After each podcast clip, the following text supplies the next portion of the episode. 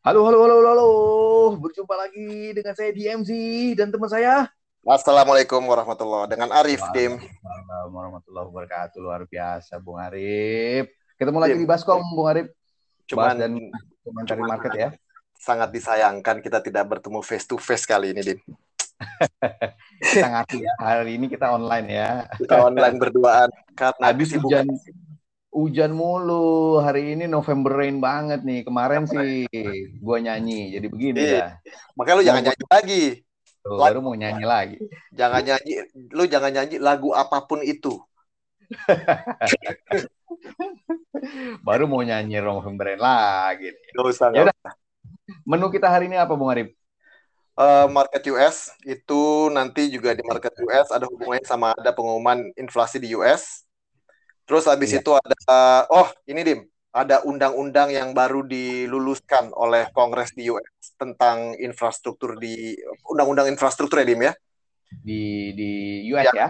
Di Amerika. Okay. Terus habis itu uh, oh ini kalau kejadian lumayan positif nih Dim. Ada apa namanya? Eh, gosip-gosip stimulus di Jepang. Nah, ntar lu cerita deh tuh. Oh, Oke, okay. terus juga ada ini ya, berita-berita dari China juga ya, nggak mau kalah nih kayaknya.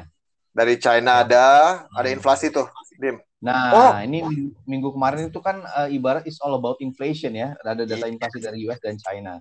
Sekarang juga sebenarnya masih Dim tonsnya inflasi Dim. Oh, di China. Kalau sekarang yang US yang minggu lalu US tuh Dim. Ya, US dan China kan. Hmm, gitu. Nah, terus juga kita akan wrap up kira-kira minggu depan seperti apa. Bukan begitu, Bung Arif? Begitu.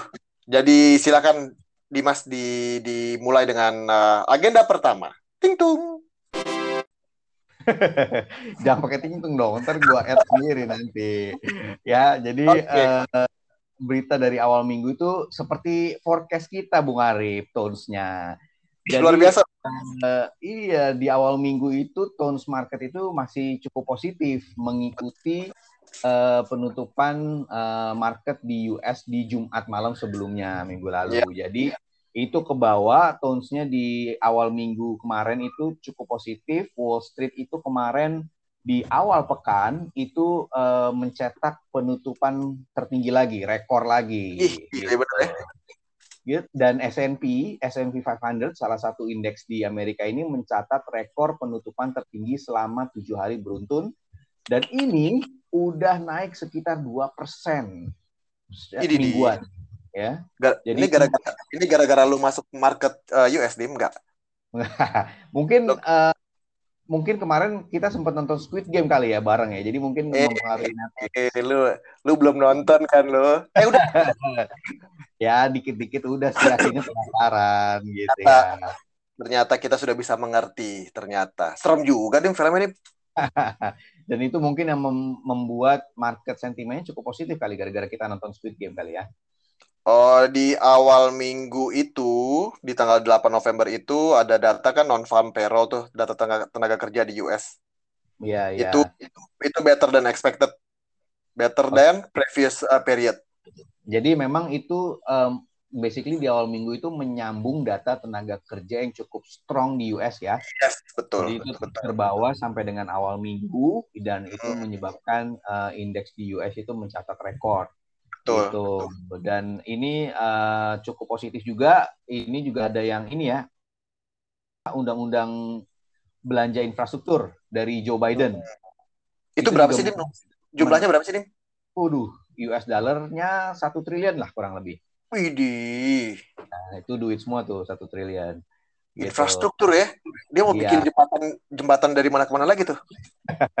Jadi basically kan ini ngikut-ngikut kayak Indonesia. Indonesia kan dulu di di beberapa tahun lalu tuh kan mengejot infrastruktur belanja. Hmm. hmm. Ini uh, mereka uh, kayaknya ngikutin kita atau gimana ya? Enggak juga sih.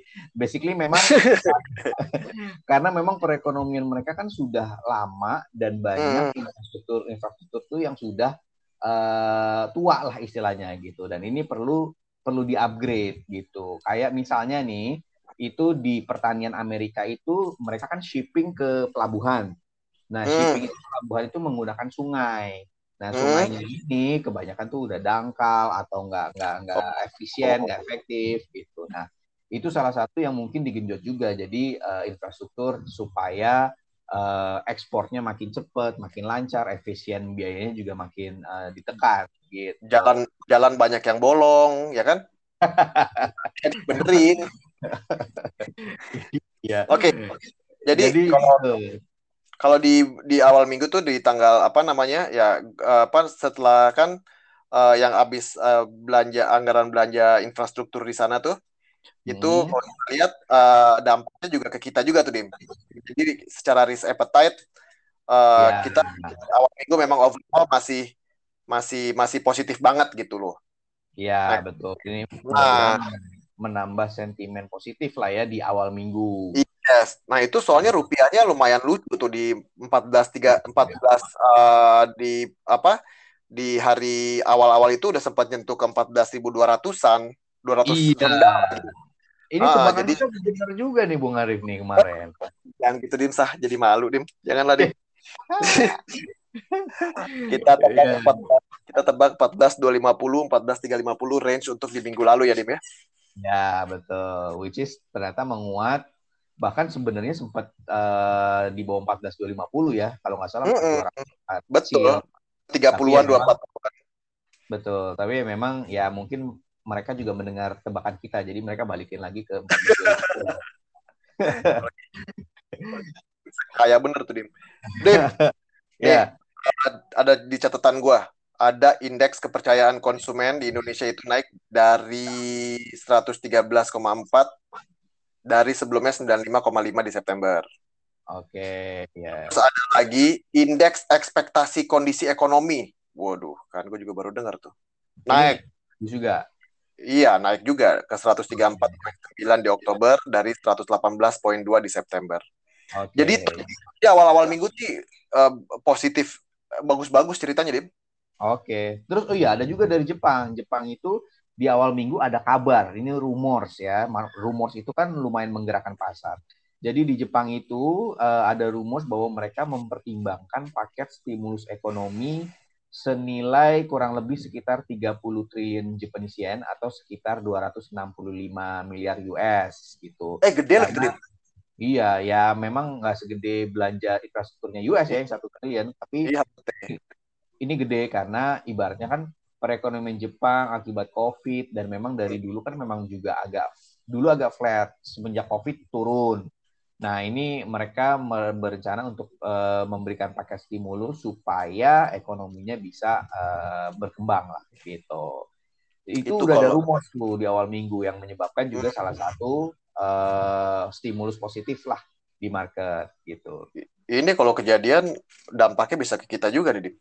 Iya, betul. Ya, walaupun, walaupun di awal minggu tuh ada juga tones negatif di mana ada kekhawatiran inflasi US ya dan juga uh, China di akhir pertengahan minggu lah itu yang mungkin mm -hmm.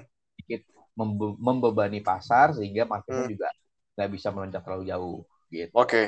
siap. Nah itu kira-kira pergerakan awal minggu ya, Bung Arif ya.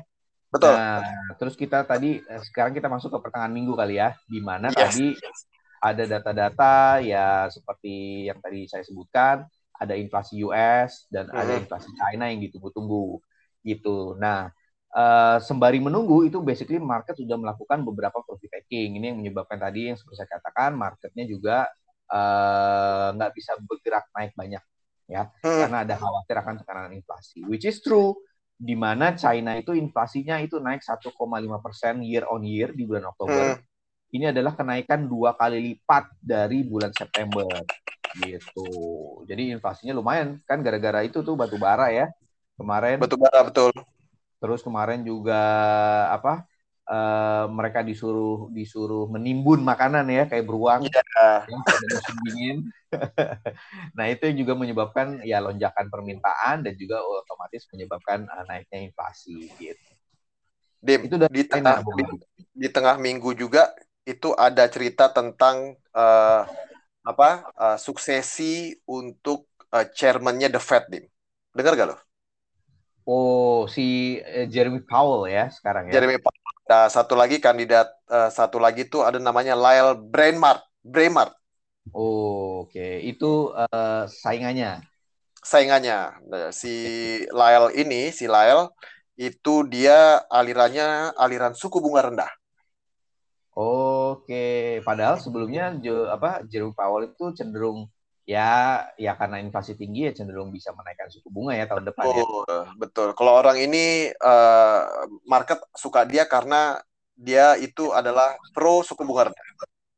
Oke, menarik nih berarti. Menarik. Uh, which is itu berarti harus dipilih uh, Joe Biden dalam sesegera mungkin ya karena kalau nggak salah Jeremy Powell waktunya uh, termsnya berakhir di Februari ya kalau nggak salah tahun depan. Februari. Hmm. Berarti mereka harus sudah mulai dipilih nih. Berarti antara si Powell dan siapa tadi tuh, Bung Arif? Lael, Lael. Oh, si Lael. Lael aja ya. Kayak kenal aja kita Lael, Lael. Teman-teman lama. Cie, teman lama. Oke, terus tuh dari uh, nah, terus kemudian di pertengahan minggu ada juga inflasi US nih, Bung Arif nih kalau nggak salah. Ini seru, ini ini, ini banyak dibahas loh, nih. Hmm. Ini gitu. sampai sampai hari Jumat tuh banyak banget di headline-headline-nya market gitu kan ya. Hmm. Itu eh, walaupun udah diumumin uh, itu di, di, di dibahas terus gitu. Kenapa? Karena ini ini sangat berhubungan sama uh, kenaikan suku bunga kan gitu. Ya, yang ya betul. kan yang yang minggu lalu itu kita bicara tadinya orang-orang perkirakan di 2023 eh sekarang udah ke pertengahan 2022 gitu. Iya. Nah, betul. jadi hal-hal kayak gini ya datanya kayak gitu, tim. Betul. Mungkin uh, datanya karena juga ya, memang tinggi banget, tinggi banget, tim. Gimana gimana datanya gimana nih? Datanya itu di uh, highest since tahun 1990 year on year-nya. Edan nggak? Year on year. Itu year on year uh, kalau misalnya di bulan Oktober itu uh, berarti sekitar 6,2 persen ya. Ini luar biasa loh. Amerika inflasi 6,2. Iya. Biasanya Udah kayak kan kita. Iya kayak biasa, negara berkembang biasa, ya. Ah, biasanya kita segitu. Iya. sekarang, sekarang mereka segitu. Iya, biasanya paling dia dua, tiga, empat ya, empat paling bagus gitu kan. Ini Dim, tapi lo yakin ya, yang ya. yang disuruh nabung-nabung makanan itu nggak cuman takutnya nggak cuman di China, ternyata di Amerika hmm. juga lo nggak nggak ada kabar ya? Nggak dengar. Nggak dengar ya. Lagian tinggi banget naiknya. Tinggi 6,6,2 persen year on 6,2 persen. Kayak negara berkembang sih itu ya. Hmm, makanya Atau itu highest since 1990. Makanya orang-orang jadi. Nah, ini nantilah kita bahas pas lagi kita bahas untuk agenda minggu depan ya gitu. Hmm, Tapi nanti okay. kita bahas next nextnya aja kita bahas. Pas kita udah bahas minggu depan agendanya apa aja. Jadi ya jadi intinya tuh memang inflasi di US ini juga naiknya tajam sehingga ya, ya membuat market juga agak concern karena uh, terhadap hyperinflation di mana hmm. pertumbuhan ekonomi juga nggak ke mana-mana jadi kayak stagflation ya bahaya nih berarti kan dan ini Ush, yang luar biasa apa tadi dari tadi tuh lo ngomong tuh hyperinflation sama stagflation gitu Ah, ini, ini. Coba, coba, ini. coba dikasih, keluarkan ini mulu dikit deh, keluarkan. coba di share, di share. Iya, basically hyperinflation itu adalah inflasi yang sangat tinggi gitu, melebihi, hmm. uh, melebihi yang seharusnya lah yang biasanya gitu. Kayak tadi, uh, di mana negara berkembang itu 6,67 itu masih oke. Okay. Tapi kalau negara maju seperti Amerika, biasanya kan dua, tiga, empat itu aja udah paling udah tinggi gitu, udah termasuk tinggi. Nah, ini 6,2 kan berarti udah lebih tinggi. Di sisi satu sisi pertumbuhannya juga masih belum ke mana-mana. Nah, itu yang disebut stagflation juga. Jadi kurang lebih Wah, luar biasa, luar biasa. Gua Makanya jadi... kagum gua malu dim, kagum gue. Janganlah, jangan malu. nah, makanya ini membuat pertengahan minggu ini market banyak yang profit taking, bahkan cenderung hmm. agak turun ya, Bung Arif hmm. ya. Uh, ya untuk sepanjang minggu kemarin sih saham lu tahu sendiri di naik mulu loh. Indonesia juga. Iya, iya itu memang Indonesia itu luar biasa sih sekarang resiliennya ya. Banyak yang iya. ranking di market Indonesia gitu. Mm. Tapi di satu sisi selain berita dari Amerika ini juga ada sentimen dari China juga ya. Uh, yes. Ada berita akibatnya. Sayang satu uh, Evergrande mau gue nyanyi nggak? Wih, jangan lah. Kan tadi kita udah kita udah ya, setuju ya. di awal-awal ya, tadi lu nggak boleh nyanyi apa-apa lagi. Ya boleh boleh. Ya deh. Evergrande, Evergrande ini udah membayar kupon obligasinya sebelum jatuh tempo kemarin. Ih, sehingga, pintar dia. Sehingga terhindar dari gagal bayar. Walaupun semua orang nih masih nggak tahu dari mana dia dapat duitnya. Pokoknya udah selesai itu kupon. Luar biasa. Bukan dari bukan dari bukan dari lu kan, nih? Eh. amin. Lo amin dim kayak gitu dim. Amin, amin, amin. Amin. Nah ini okay. basically itu Evergrande. Terus kemudian yang kedua seperti tadi Bung Ari sempat mention itu uh, ada konferensi Partai Komunis China ya pada ya dari awal Ih. minggu dan pertengahan minggu. Apa agendanya, dim? Basically intinya mereka ingin me me mengkultuskan presiden China Xi Jinping. Iya, Xi Jinping ini ya sebagai uh, apa presiden seumur hidup lah istilahnya ya. Wih, gila bener ya. Jadi ini yang membuat uh, menarik juga lah karena memang dari tahun 2018 pun China itu membatalkan batas dua peri periode kepresidenan. Tadinya kan ada tuh. Oh, oh jadi, jadi sekarang nggak ada? Sekarang nggak ada dari tahun 2018. Jadi dengan adanya uh, resolusi ini dari dari konferensi Partai Komunis China ini, basically ini semakin memuluskan lah, memberikan lampu hijau uh, mendekati Presiden China Xi Jinping menjadi presiden seumur hidup gitu Wih, luar biasa gitu. dan ini efeknya ke market itu basically jadi ya seperti kita tahu kan China sekarang tensinya tingkat tinggi nih ya dengan uh, eh, US mm-hmm. negara-negara tetangga Taiwan Hong Kong iya. yang memisahkan diri dan sementara kan Xi Jinping ini lumayan keras lah ya tetap hmm. uh, kekeh gitu dengan uh, kebijakannya dia gitu. Dan ini berarti berarti ke depannya juga akan terus begitu nih. Berarti akan terus perang nih antara perang perang dingin lah istilahnya ya. Ini Baik udah ini dan... ini udah keras-kerasan nih Dim. Iya. Iya, ngomong, masih perang juga ada perang dari mana lagi nih Bung Arif? Kayaknya ada berita lagi. Oke, okay. di akhir minggu, di akhir minggu itu sempat sempat uh, eh, US dollar juga ada penguatan lah di US dollarnya karena terjadi ketegangan di US dan Rusia. Karena terakhir uh, Amerika itu bilang Rusia tuh ada niat untuk menyerang Ukraina. Ukraina. Oh, Oke, okay. memang dari dulu kan tuh sempat uh, Iya. Cerita uh, lama tapi ya? belum hilang-hilang ya. Iya, kayak proxy war lah di sana ya. Iya. Gitu. Dan ini nah itu itu lumayan tuh bikin safe mm -mm, safe havennya si US naik lagi jadinya. Oke, jadi US naik gara-gara safe haven ya. Dan iya. ada perang, ini makanya si US naik lagi gitu ya. US-nya naik lagi. Nah, tapi di kita enggak, Dim.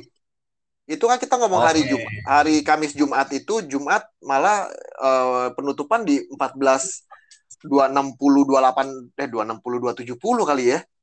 Oke. Gitu. Jadi, jadi malah menguat gitu di di rupiahnya malahan pas penutupan walaupun di tengah-tengah hari gue sempat lihat tuh di 14 290, 280 gitu. Turun-turun ternyata ya. pas lagi menjelang penutupan hari. Betul. Jadi rupiah itu sempat menguat di awal minggu, hmm. terus pertengahan minggu kena profit taking dan juga khawatir akan inflasi di US dan China. Ya. Terus ya. uh, sempat menguat lagi lah ya setelah itu mereda dan kemarin uh, di awal di akhir minggu juga nggak terpengaruh nih ya terhadap uh, tensi yes. dari yes. ya. gitu. Di IHSG juga kayaknya menguat ya uh, secara mingguan ya 1,05 persen kalau nggak salah dalam sepekan. Uh, Dan, di catatan di catatan gue itu di uh, awal hari Senin itu di 6000 hmm. ditutupnya itu di tanggal 12 itu 6710. Oke itu uh, kalau dari dilihat dari net buy asing di pasar saham juga masih cukup banyak nih sebesar 1,94 triliun di pasar reguler. Ini ah mau mumpung lo oh 1,94 triliun rupiah. Iya, di net, pasar reguler. Net di buy net buy net buy asing. Mm -hmm. Di apa di uh, di tengah minggu itu kepemilikan asing di obligasi turun di tanggal 8 itu 928 triliun, di tanggal 9 itu 927 triliun. Turun satu T. Hmm. Ya ke saham kali berarti ya? ya bisa, sebagian ke saham. Berarti, iya, betul. Ini berarti mengindikasikan ya bargain hunting itu seperti yang saya bilang kemarin ya Bung Arif ya. Mm. Luar biasa kan. Ya dari obligasi nggak ke mana-mana, dia pindah dulu nih ke saham yang yeah. menjanjikan akibat juga uh, perekonomian kita yang harusnya mulai bergerak lah ya dengan pandemi yang uh, semakin uh, apa ya uh, uh, COVID-nya semakin turun, uh, bukan yeah. turun, ya, stabil lah di level bawah ya.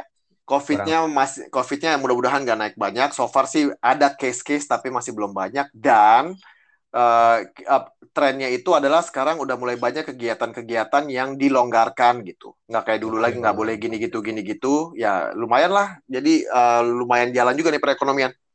Oke, mudah-mudahan gitu ya. Yes, nah, amin. Terus kemudian minggu depan gimana nih Bung Arif nih? Uh, Bung data, data apa aja nih yang menarik? Data minggu depan itu ada data-data dari UK UK inflation ya, Dim? Eh. Iya, jadi ada dua sih basically yang diperhatikan adalah data retail sales dari China dan hmm. juga ada dari US retail salesnya penjualan ya, betul. di retail. Nah ini kan kalau misalnya kita lihat basically memang uh, biasanya itu mengindikasikan kegiatan perekonomian di tingkat uh, konsumen seperti apa gitu. Mm. Nah, itu yang perlu diperhatikan. Terus hmm. kemudian mm. ada inflation rate-nya juga nih tapi dari UK dan Jepang. Oke. Okay. Ya, nah ini kan kalau kemarin itu uh, eh, US dan China naik. Nah, ini kita lihat nih inflasi di UK dan Jepang seperti apa. Nah, tapi okay. yang menarik adalah dari Jepang sendiri nih. Jepang sendiri basically kalau tadi kita bilang UK ini kan kemungkinan besar ini juga naik ya kalau kita lihat supir truk supir truk yes. kemarin udah pada dipekerjakan gitu kan mungkin ini juga harga itu kemarin sempat naik nah ini juga mungkin UK inflation rate ini juga naik cuma yeah. yang Jepang menarik seperti yang tadi disinggung di awal basically itu mereka masih uh, perekonomiannya masih melambat Nah, mm-hmm. ini kita lihat bahwa uh, bagaimana perkembangan inflasi di Jepang dan juga nanti uh, bagaimana efeknya di uh, PDB di GDP-nya Jepang juga nanti seperti apa. Kalau misalnya masih melambat, itu mungkin berarti semakin stimulusnya semakin mendekati kenyataan. Betul. Muarif ya. Eh, jangan lupa Dim, yang di Indonesia juga datanya penting juga Dim. Iya, Bung Arif itu ada pintu ngebuka kayak ada setan di belakang. kayak di rumah hantu nih. Padahal, padahal, padahal yang buka pintu pelan-pelan tadi dia dia dia, dia tahu gue lagi lagi sama lu di sini. Oke, okay, untuk uh, Indonesia itu akan ada data-data trade balance oh, di tanggal okay. 15. Hmm. Oh, tanggal 15 data trade balance, ekspor import. Lalu di tanggal 18 ada pengumuman suku bunga. Oh, suku bunga Indonesia nih ya, BI rate ya? Yes, itu perkiraan belum bergerak, masih ada di 3,5. Iya, 5 ya. Kayaknya belum ke mana-mana juga ya. Belum, belum, belum. Bergerak lah ya. Belum, belum. Nah, Oke, berarti ten tones-nya di minggu depan gimana, Bung Arif? Uh, gua di FX ya, Dims. Kalau gua itu di FX liatnya, gua cenderung uh, liatnya itu adalah akan ada sedikit kenaikan di tingkat volat di volatilitasnya. Jadi gua oh. melihat sebenarnya sih on the upside uh, US dollar gitu. Jadi secara range, secara range gue masih ngeliat di uh, 250 350. Namun gue masih ngeliat on the upside gitu. Oke, jadi cenderung uh, cenderung uh, di, di level-level atasnya US. Uh, gue masih uh, lihatnya jadi US bullish gue jadinya untuk untuk untuk uh, okay. minggu depan. Lu Walaupun, gimana dim? Saham lu gimana lu lihatnya? Ya mungkin ada benernya gitu. Mungkin US mungkin agak sedikit menguat, tapi juga mungkin ya agak tertahan juga di dua dua lima puluh tiga lima puluh seperti range kemarin ya. Dan ini juga hmm, hmm, mungkin hmm. berimplikasi juga di saham yang kelihatannya juga akan cenderung flat walaupun kalau misalnya dilihat sentimen negatif basically ya itu cuman dari inflasinya doang ya. Hmm, inflasi hmm. makanya ini uh, kita lihat nih inflasi rate di UK apakah uh, parah juga naiknya. Uh, terus di Jepang bagaimana? Tapi di satu sisi ini Jepang yang menarik nih. Kalau misalnya dia perekonomiannya masih melambat berarti akan ada stimulus yang yes. efeknya juga ke Indonesia.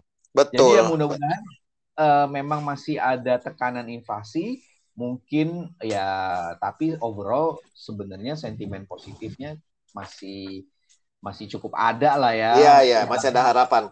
Hmm, gitu. Jadi mungkin pelan-pelan merangkak naik ya sepertinya ya yes. Yes. Ya, ya. Gitu. Jadi uh, masih range trading juga lah berarti kita range trading dulu nih. Iya, habis nggak ke mana-mana juga. Iya, nggak terlalu iya. banyak yang menarik ya berarti ya. Betul, betul. Jadi kurang lebih seperti itulah tones-nya ya, Bung Arif ya. Siap.